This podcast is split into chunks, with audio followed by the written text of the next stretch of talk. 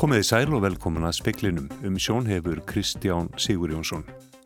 Sóttvarnalæknir hvetur alla til þess að við hafa tveggja metra regluna eins oft og mögulegt er. Það sé þó hverjum í sjálfsvald sett hvort hann við hafi fjarlæða mörg í kringum fólk sem hann er í tengslu mið. Kostaðar auglýsingar samtaka atvinnlífsins á Facebook og Instagram eru ómannulegar og niðurlægandi, segir forseti Alþjóðsambands Íslands. Breski auðmaðurinn Jim Ratcliffe hyggst reysa tæplega þúsund fermetra veiðihús í landi ytri hlýðar í vopnaferðarheppi. Breyta þarf aðal skipulægir heppsins til að húsið geti reysið.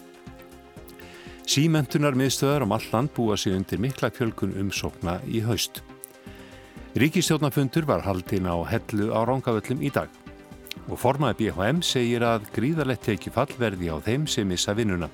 Nauðsynleit sé að hækka aðtunleysisbætur og að tekjutengdar bætur verði greittar í sex mánuði í stað þryggja. Það verður hver og einn að velja hvort hann við það við tveggja metra regluna í kringum fólk sem það þekkir og vil umgangast, segir Þórólfur Guðnason sóttvartanlæknir. Vegna misræmis í orðarlægi um hvernig reglan skal við þöf, hafa sóttvarnariði völd ákveðið að skýra hana frekar. Tveggja metra regluna má útskýra á tvo vegu, segir Þórólfur Guðnason sóttvartanlæknir. Í nýjustu auglýsingu heilbriðisraðuneytisins þar sem hveðir á um ofinberar sótvartaraðastofanir er svo skildalögð á atvinnureikundur og veitingamenn að þeir tryggja að hægt sé að hafa minst 2 metra á milli einstaklinga sem ekki deila heimili. Þannig er það orðað. Það er ekkert talað um skilduna fyrir hvern einstakling að halda þessa tveggja metra reglu uh, og svo er þetta skilgarinn að tveggja metra regluna þannig í þeim leiðbenningum sem við höfum verið að gefa þar sem við erum að hvetja alla aðila til þess eh, að við hafa tveikjametarregluna eins mikið og oft eins og mögulegt er, sérstaklega með ótengda aðila og í aðstæðan þar sem þú þekkir ekki fólk. Segir Þórólfur. Í tilkynningu frá almannavörnum og sóttvarnalegni sem barst í dag er tveggjametrarreglan sögða einn af grunnstóðum síkingarvarna en það getur nánd mikli fólks aukið hættuna á smiti. Með eins metra fjallaðamörgum er hægt að minka líkur á koronaviru smiti fimmfalt og fyrir hvert metra til viðbútar helmingast líkurnar á smiti. Birgir Þór Harðarsson saði frá. Tilstendur að gera breytingar á aðalskipulagi vopnafjörðarreps til þess að landegundur í ytri hlýðar geti reistar tæplega þúsund fermetra veiðihús. Jörðin er í eigu breska auðmannsins James Ratcliffe sem hefur verið stórtækur í jarðaköpum á Norðu-Östurlandi. Fjallað hefur verið um jarðakaup Ratcliffs undanfarin ár en hann á meiri hluta í minst 30 jörðum, minni hluta í nýju og veiðir rétt í tveimur þjóðlendum í Selártáli vopnafyrði. Hann hefur keift jarðirnar í nafni umhverfisvendar og verndar íslenska laxastofnsins. Sankant nýjastu fyrirhugað breytingum á aðalskipula í vopnafjörðarrepp stendur til að breyta skilgrinningu á ytri hlýð sem er landbúnaðarland í verslunar og þjónustusvæði svo að landeigundur geti reist þar 950 fermetra veiðihús. Sankant auðlýsingu um breytinguna sem byrt var í dag er markmið landeiganda að styrkja frekar ferðarþjónustu í sveitarfélaginu og bæta samgefnisefni þess. Veiðihúsið verður með útsinni yfir Vesturdal og yfir í Krossavíkurfjöll og Smjörfjöll. Þar verður veitinga og gisti þjónusta. Lækja þar vegaðlóðinni og ramagstreng og bóra eftir neysluvatni eða virkja uppsprettu í næsta nákrenni. Almenningi verður gefin kostur á að senda einn ábendingar fram til 3. september og á mánudag verður opið hús á skrifstofu Vopnafjörðarreps þar sem skipulæð verður kynnt. Alma Ómarsdóttir saði frá.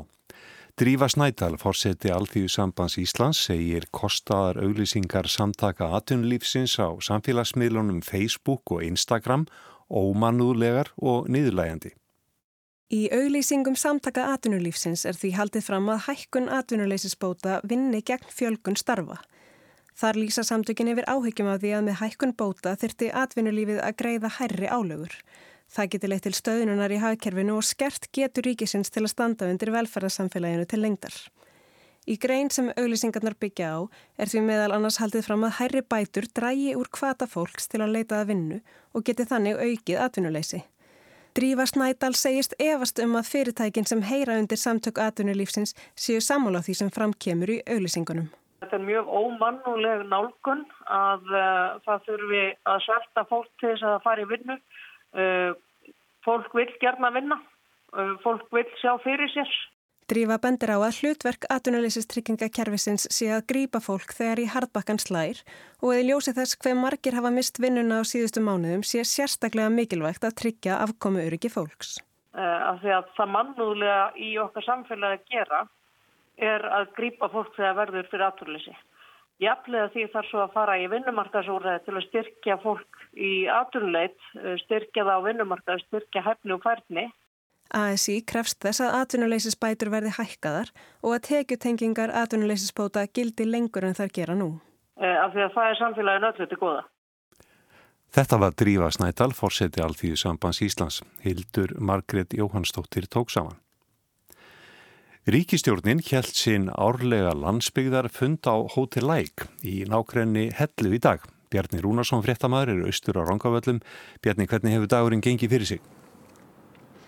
Já, ríkistjórnin kom fyrst saman í morgun og fundaði einsýns liðs. Þar var meðal annars tekin ákverðin um að veita Æslandir ríkis ábyrð á lánalínu að upphæð alltaf 120 miljónir dollara eða um 16,5 miljardar króna. Við skulum heyra hvað Katrín Jakobsdóttir, fórsættisráð þeirra og Bjarni Benediktsson, efnahagsmálar á þeirra, höfðu um það að segja. Já, það er bara komið að því að taka þessi ákverðun. Við uh, settum fram ákveðin skilir fyrir því að að geta svara spurningunum um mögulega ríkisábyrð og þau snýru engum að fjárhásleiri endurskipulagningu sem að félagið er búið að ljúka og nú stendur það í raun og veru eitt eftir eins og við lítum á það að, að láta reyna á hlutafjárútbóði sem er þá svona eins og síðasta skilirðið og það eh, er þessna tímabært að eh, taka þess ákvörðun. En ef við horfum aðeins inn í höstið, nú eru komin þessar takmarkarnir á landamærunum, það er ekki beint að leta stróðurinn hjá þeim? Nei, en það á auðvitað við held ég um öll flugfjölu í heiminum. Auðvitað vonuðu við það öll í vor að þessi faraldu væri núna að bara mestu gengin yfir. En það er ekki svo, hann er í vexti sem gerir auðvitað allar aðstæðar til flugræsturar mjög þungar og erfiðar. Það er hins vegar ekkit ólíkt með þessu félagi og öðrum flugfélum og, og ég held að félagi sé nú kannski nokkur raunsætt í sínum áallunum. Það er gera ráð fyrir erfiðum tímum framöndan. Eftir þann fund komu svo fulltrúar sveitafélaga á fundríkistjórnarinnar þar sem fundarhöld fóru fram undir berum himni framanaf. Þar var fyrst og fremst rætt um bága fjárhagstöðu sveitafélaga og hvaða leiðir væru mögulegar. Þau fundarhöld stóðu fram eftir degi og hefur ríkistjórnin haldið áfram að funda einsýns liðs á vinnufundum eh, og nú rétt bara fyrir frettir var haldið að staði í vettvangsferðum Suðurland. Eh, við greinum nánar frá fund, þessum fundarhöldum í sjóarsfrettum okkar klukkan 19. Takk fyrir þetta Bjarni Rúnarsson á hellu.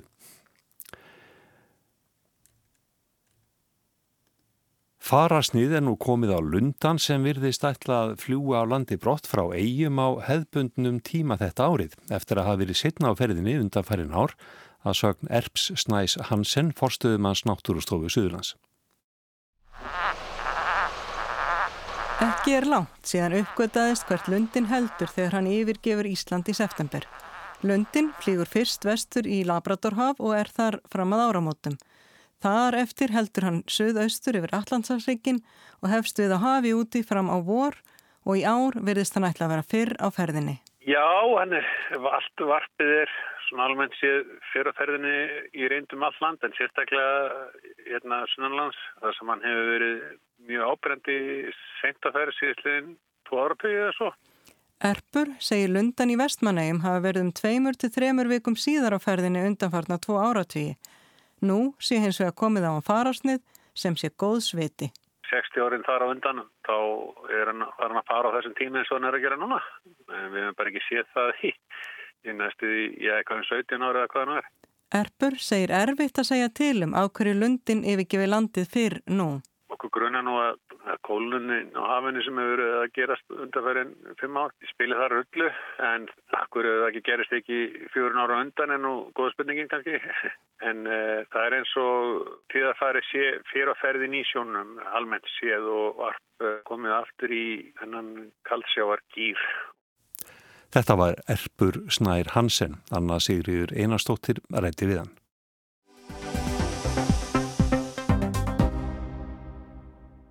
Formaður Kvasis, samtaka símentunar og fræðslustöðva, segir að símentunarstöðvarnar á landinu eigi vona á mikill í fjölgun umsókna í haust vegna aukins atvinnuleysis og til að mæta henni þurfi aukið fjármagn. Frankvandastjóri Mímis segir að atvinnuleysi og reynslan frá því hrununu gefa þeim íspendingu um við hverju sé að búast. 11 símentunar stöðvar eru á landinu og eru þær með starfstöðvar um allt land. Stöðvarnar eru í eigu sveitarfélaga, verkalýsfélaga, fyrirtæki og stopnana og eru reknar án hagnaðar sjónamiða. Í venjulegu árferði skipta nefnundur þúsundum. Símentunarstöðarnar sinna framhalsfræslu fyrir þá sem mist hafa vinnuna og eru virkar í endurmentuna á vinnumarkaði. Þær eru úræða aðilar fyrir vinnumálastofnun og virk ásamt að sinna fræslu fyrir fatlað fólk. Flestar þeirra bjóða líka upp á framhalsfræslu fyrir fólk sem er með litla eða enga grunnmentun, auk þess sem þær sinna íslensku kjenslu fyrir útlendinga og margt fleira. Atvinnuleysi í síðasta mánuði var 8%. Vinnumálastofnun spáir tæplega 9% atvinnuleysi í þessu mánuði og næsta mánuði. Um 17.000 eru algjörlega ánvinnu og um 4.000 nýta hlutabóta leiðina eða alls rúmlega 21.000 manns. Ejólfur Sturlaugsson, formaður Kvasis, samtaka símentunar og fræðslustöðva, segir að nefnendum símentunarstöðvana hafi fjölgað verulega í hruninu fyrir 12 árum. Hann á von á að það sama gerist nú. Það sem gerir síðast var að, að það stóri jógst í, í úrraðum hjá okkur, fólk sem var á, í atvinnuleit, var búið að vera atvinnulust lengi og fólk sem að þurfti jafnvel að einhvers konar endurhæfingar halda til að komast aftur inn á vinnumarkaðin. Fólk vil gerna þegar það eh, hefur ekkert að gera, reyna að bæta við sig einhverja mentun og þá koma þess að vóttu námsleðir frá fræslumistu aðunlýsins vel til greina. Þetta eru, eru til dæla stutt ná sem hendar nokkuð vel að taka þegar fólk er að vera á milli vinnu, sem að segja. Það má búast við talsvert mikill aukningu og, og til þess að mæta því þá þá þarf sannlega að, að auka fyrir þessa málflokka. Ejólfur segir að stjórnvöld hafi í allt sumar verið að móta úræði í mentun. Það er frá því sem við voru hefur verið í gangi svo kallar samhópur sem er uh, samráðshópur tvekja ráðnita sem hefur unnið stífta því að, að móta úræði til næstu mánu til þess að mæta flóðbylgu flóðbylgu fólk sem að þarf á einhvers konar úræðum að halda það er ekki búið að ganga frá þessari vinnum að ég best veit og þar að leiðandi er ekki búið að ákveða uh, með hvaða hætti framhansvæslan og þessar ágætu símyndunumstöðar verða styrta til þessar verka. Ekki er ljóst hvenar má eiga vona á einhverju niðurstöðu?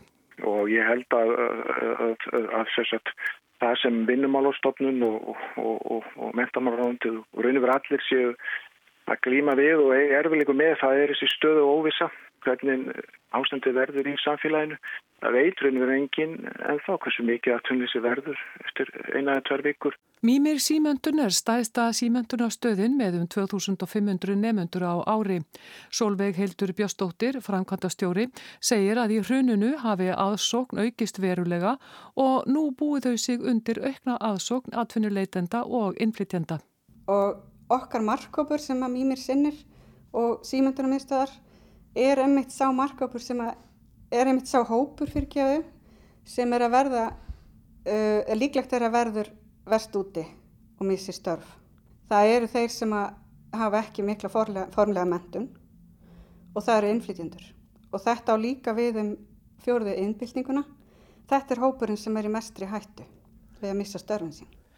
Þegar talað er um fjórðu innbyltinguna er átt við þá tæknið þróun sem orðið hefur undanfarið sem hefur breytt eh, þjónustustörfum og framlínustörfum og leittir þess að fólk hefur mist vinnuna. Dæmum slíkt er þegar að teknir voru upp sjálfsafgreðslu kassar í verslinum hér á landi. Solveig segir að verið sé að undirbúa nýja námsbraut fyrir þá sem vilja ná betri tökum á tækni. Það er mjög spennandi verkefni í deglunni sem við munum keira með samstarf, í samstarfi við starfsmyndarsjóði, stjættafjölu og verkefliðsræðinguna. Þannig að það er virkilega spennandi námskeið þar sem við munum reyna að grýpa þá sem að hafa missastörfin sín eða eiga hætta á missastörfin sín annarkort vegna COVID eða tekni þróunar og grýpa þá til þess að hjálpa því að auðlast meiri teknifærni. Símentunar miðstöðvarnar sinna mjög viðkvæmum hópum. Þegar að faraldurinn skall á í mars og þurfti að loka skólanum, urðu starfsmenn að bregðast hratt við til að koma í veg fyrir brottfall nefnda.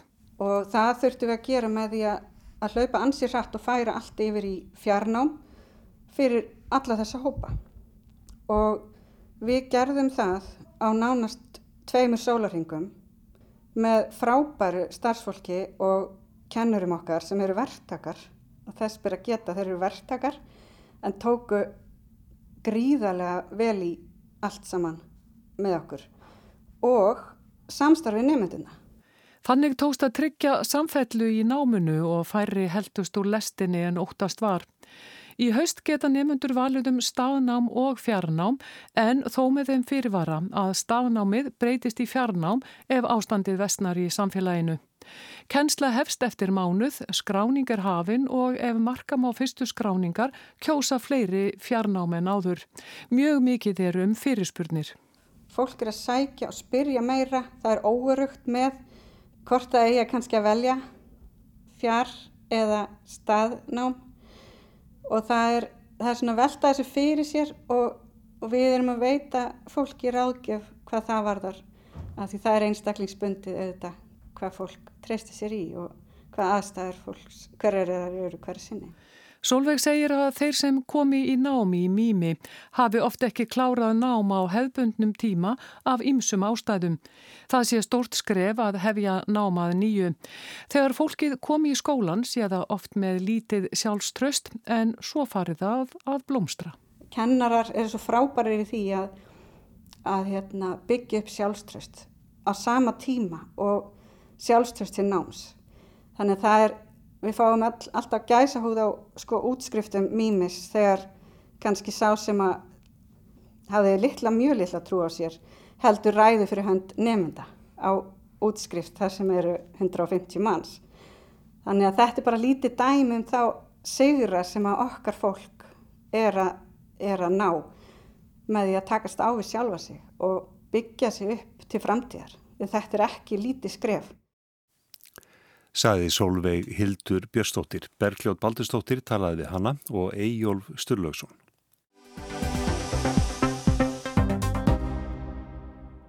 BHM vill að stjórnvöld breyði strax við auknu atvinnuleysi með því að hækka atvinnuleysisbætur og lengja tímabil tekið tengdra atvinnuleysisbóta. Um 4.500 háskólamentaði launamenn séu nú á atvinnuleysisgrá. Tekið fall hjá þeim sé mikill. Það geti numið alltaf 55%.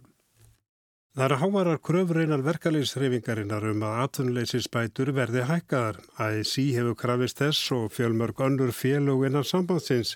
Grunn atvinnuleysisbætur eru rúmara 289.000 krónur á mánuði sem þýr 240.000 krónur í vasan. Að auki eru röskar 11.000 krónur greitar með hverju barni undir 18 ára aldrim. Lámarslaun á vinnumarkaði núm eru 335.000 krónur. Þeir sem missa vinna eiga að kosta á svo kallum tekju tengdum atvinnuleysisbótum í þrjá mánuði. Þær getað hámarki verið rúmar 456.000 krónur á mánuði eða 70% af heildarlaununum. BHM sendi frá sér yfirlýsingu í dag þar sem þessi krafist að stjórnvöldu bregðist við stöðun á vinnumarkaði. Krafist er þess að atvinnleysisbæturu hækki og að tímabil tekjutengdra atvinnleysisbóta verði alltaf sex mánuður. Þórun Sveinbjarnadóttir, formar BHM, segir að þakið á tekju viðmiðið þurfi líka að hækka. Vegna þess að það verður gríðarlegt tekjufalli á fólki sem missir atvinnuna og getur lengt í langtíma atvinnuleysi, kannski lengur en 6 mánuði. Og við sjáum það núna, það eru 4500 manns háskólamettuð á atvinnuleysi skrá og því miður eru horfurnar ekki góðar og því er komið að því að þessar, hjá ríkistjórninni að grípa til þessara nöðsynlegu aðgerða. Stjórnvöld hafi ekki enn bröðist við kröfum um að atvinnleysinsbætur verði hækkar Bjarni Benediktsson, fjármálar á þeirra, útilókað ekki viðtali gæra hlutabóta leiðin er þið framlengt og tímanbili tekjutengdra atvinnleysinsbóta er þið lengt. Já, það sem hefur verið í umræðinu augljóslega er það sem tengist hlutabóta leiðinu. Við þurfum að leggja mat á það hvernig hún hefur gagnast. Ehm, það eru hlutir eins og það sem tengist sótt kvinni vegna þess að við erum að leggja aukinn þunga á hana Það er sömu leiðis uh, farið fram á það núna varðandi tekjutengdar atvinnleysbætur að það tímabil sé aðeins lengt og alveg augljóst að, að það getur orðið mikla þrengingar hér á vinnumarkaði á haustmánuðum. Það hefur verið, þetta hefur virkað aldrei eins og fallíf að hafa þessa tekjutengdu atvinnleysbætur. Um, það er eitt af því sem hefur verið nefnt. Þóran segist þeirra vongóðum að stjórnvöldu bregðist við kuröfum launamanna. Já, ég er vongóð af því að þetta eru nöðsynlegar aðgerðir og ég gerir mjög vonur um að ríkistjórnin skilji það að þetta er, er næstu aðgerði sem þarf að grípa til og vinnumarkaði. Þannig að ég ætla að vera vongóð þonga til annað kemur ljós. BHM bendur á að íslenska hagkerfi standi frammi fyrir einu mesta samdrætti í 150 ára samdráttur á hvern íbúa gæti orðu um 10 Dæmi er tekið um að háskólamentaðan sérfræðing sem fær útborgað um 600.000 krónur á mánuði Tekjutap hans í atvinnleysi á áskrundölli nemi 55%. Útborgu laun lækjum 335.000 krónur á mánuði og hann færa meðatali 270.000 krónur í vasan. Þórun segir að BHM hafi ekki lagt mata það hver mikið bætunar þurfa að hækka. Tekju það gið þurfa að hækka nokkuð mikið með að við tekjufallið hjá meðal launamanni hjá BHM sem missir vinnuna. Það er gríðarlegt tekjufall fyrir eh, venjulegar fjölskyldur sem þurfa þá að framfleita sér greiðalánunum sínum og annað slíkt með miklu minna á milli handana. Eh, það þarf að taka tillit til þessa og við viljum að stjórnvöld taki það inn í myndina og horfist bara í augu við aðstæðar eins og þeir eru núna á vinnumarkaði. Eh, þær eru fordæmalösar, það er gríðarlega kreppa, hún er öðruvís en aðrar kreppur og það þarf að grípa til þessara aðgerða núna. Viðbröðu samtaka atvinnlýsins hafa verið þau að hækkun atvinnlýsinsbóta geti latt fólk til að sækjum vinnu. Bætunar séu að auki til dælu að háar með við önnur lönd. Ég gef mjög lítið fyrir þá gaggrinni. Við búum ekki við þær aðstæður núna og í þessu fælst hugmyndafræði skammarinnar, ætla ég að segja. Það er að það sé fólki sjálfu að kenna að það missi vinnuna og það skuli bara búa við sult og seiru á meðan það er ratinulegst. Eh, það er ekki raunveruleikin sem fólk býr við á vinnumarkaði. Eh, það vilja allir vinna eins og þeir geta og eh, það er einfallega ekki þannig að við þessar efnagsaðstæður er ekkert sem að auðveldar fólki í þessum aðstæðum og þá þarf að auðvelda fólki að hafa það af í atvinnuleysinu um vonum það að landi fara að rýsa fljóðlega. BHM vill að fólki sem er atvinnlaust veri gert gleift að afla sér mentunar. Tilugur um það voru reyndar kynntar á ríkistjórnafundi í dag. Þá er BHM áhyggjur að lista fólki sem hefur orðið fyrir miklum tekjumissi. Nei, við teljum að hér sé verkefni sem þurfið að vinna í samvinnu við stjórnvöld og aðeldarfélag BHM uh, sem að hafa listamenn innan bors uh, eru að lobbyjera uh, í stjórnvöldum um þessar hugmyndir. Samkomi bannið eins og það hefur verið útvært og eru þetta bara hluti af sótvartana aðgerðum uh, stjórnvalda hefur haft uh, mjög mikil og erfið áhrif á stöðu listamanna, sérstaklega sviðslista fólks. Og það þarf einfallega að horfa á það í það, því samhengi og þau eru líka í þeirri stöðu mjög margi listamenn í landinu. Og þetta er fólk sem er í harkinu, það er kannski í samsettri vinnu vinnum við kennslu, er í geggum og öðru slíku og það þarf einfallega aðlaga regluverkið að þessum veruleika. Þetta var Þórun Sveinbjarnadóttir, Arnar Páll Haugsson talaði við hana.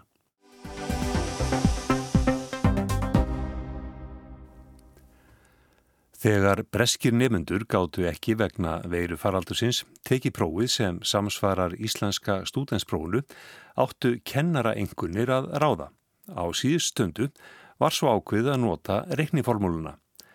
Þegar hildardeimið dæmið var reiknað komið ljós að um 40% nefnda hafiði fengið lægri engunir en kennarengunnar. Þegar betur var aðgáð var lækkun ekki sérlega réttlátt, fól í sér félagslega mismun. Málið er orði meiri átta neyksli og álistnekkir fyrir ríkisjónina. Gavin Williamson, skólaráð þar aljadengan Bilbög á sér finna síðast liðin 15. morgun þegar hann kynnti svo kallar A-level einhvernir hliðstæðar íslenska stúdansprófunu. We had to make some tough decisions in March. I mean, there's no better way of doing assessment than exams and we had to come up with a system that was fair to all. Í mars þegar var ljóst að það er þengin próf vegna veirufaraldursins þurft að taka erfiðar ákvarðanir. Próf er alltaf það besta en í staðin þurft að finna kerfi sem væri sangjant fyrir alla, saði ráðherran. Reyndar aðteglisvert að ráðherran vildi fara í viðtalið áður en einhverjirnar voru byrtar sama dag. Frettamadurinn tók það sérstaklega fram í viðtalinu. Síðdegis þegar einhverjirnar hafi verið byrtar kom í ljós að kerfið var sannlega ekki sangjant fyrir alla. Það lækkaði markvist einhvernir krakka í ríkiskólum meðan nefendur í engaskólum voru líklæri til að halda vandum einhvernum eða jafnvel vera hækkaðir. Sagan er svo að það hefði vel verið hægt að halda próf í júni, haft bíla á milli eins og alltaf í prófum. Það var ekki gert en skólar beðnir um að sendin yngunir sem byggðu á framistöðu og vinnu nefnda.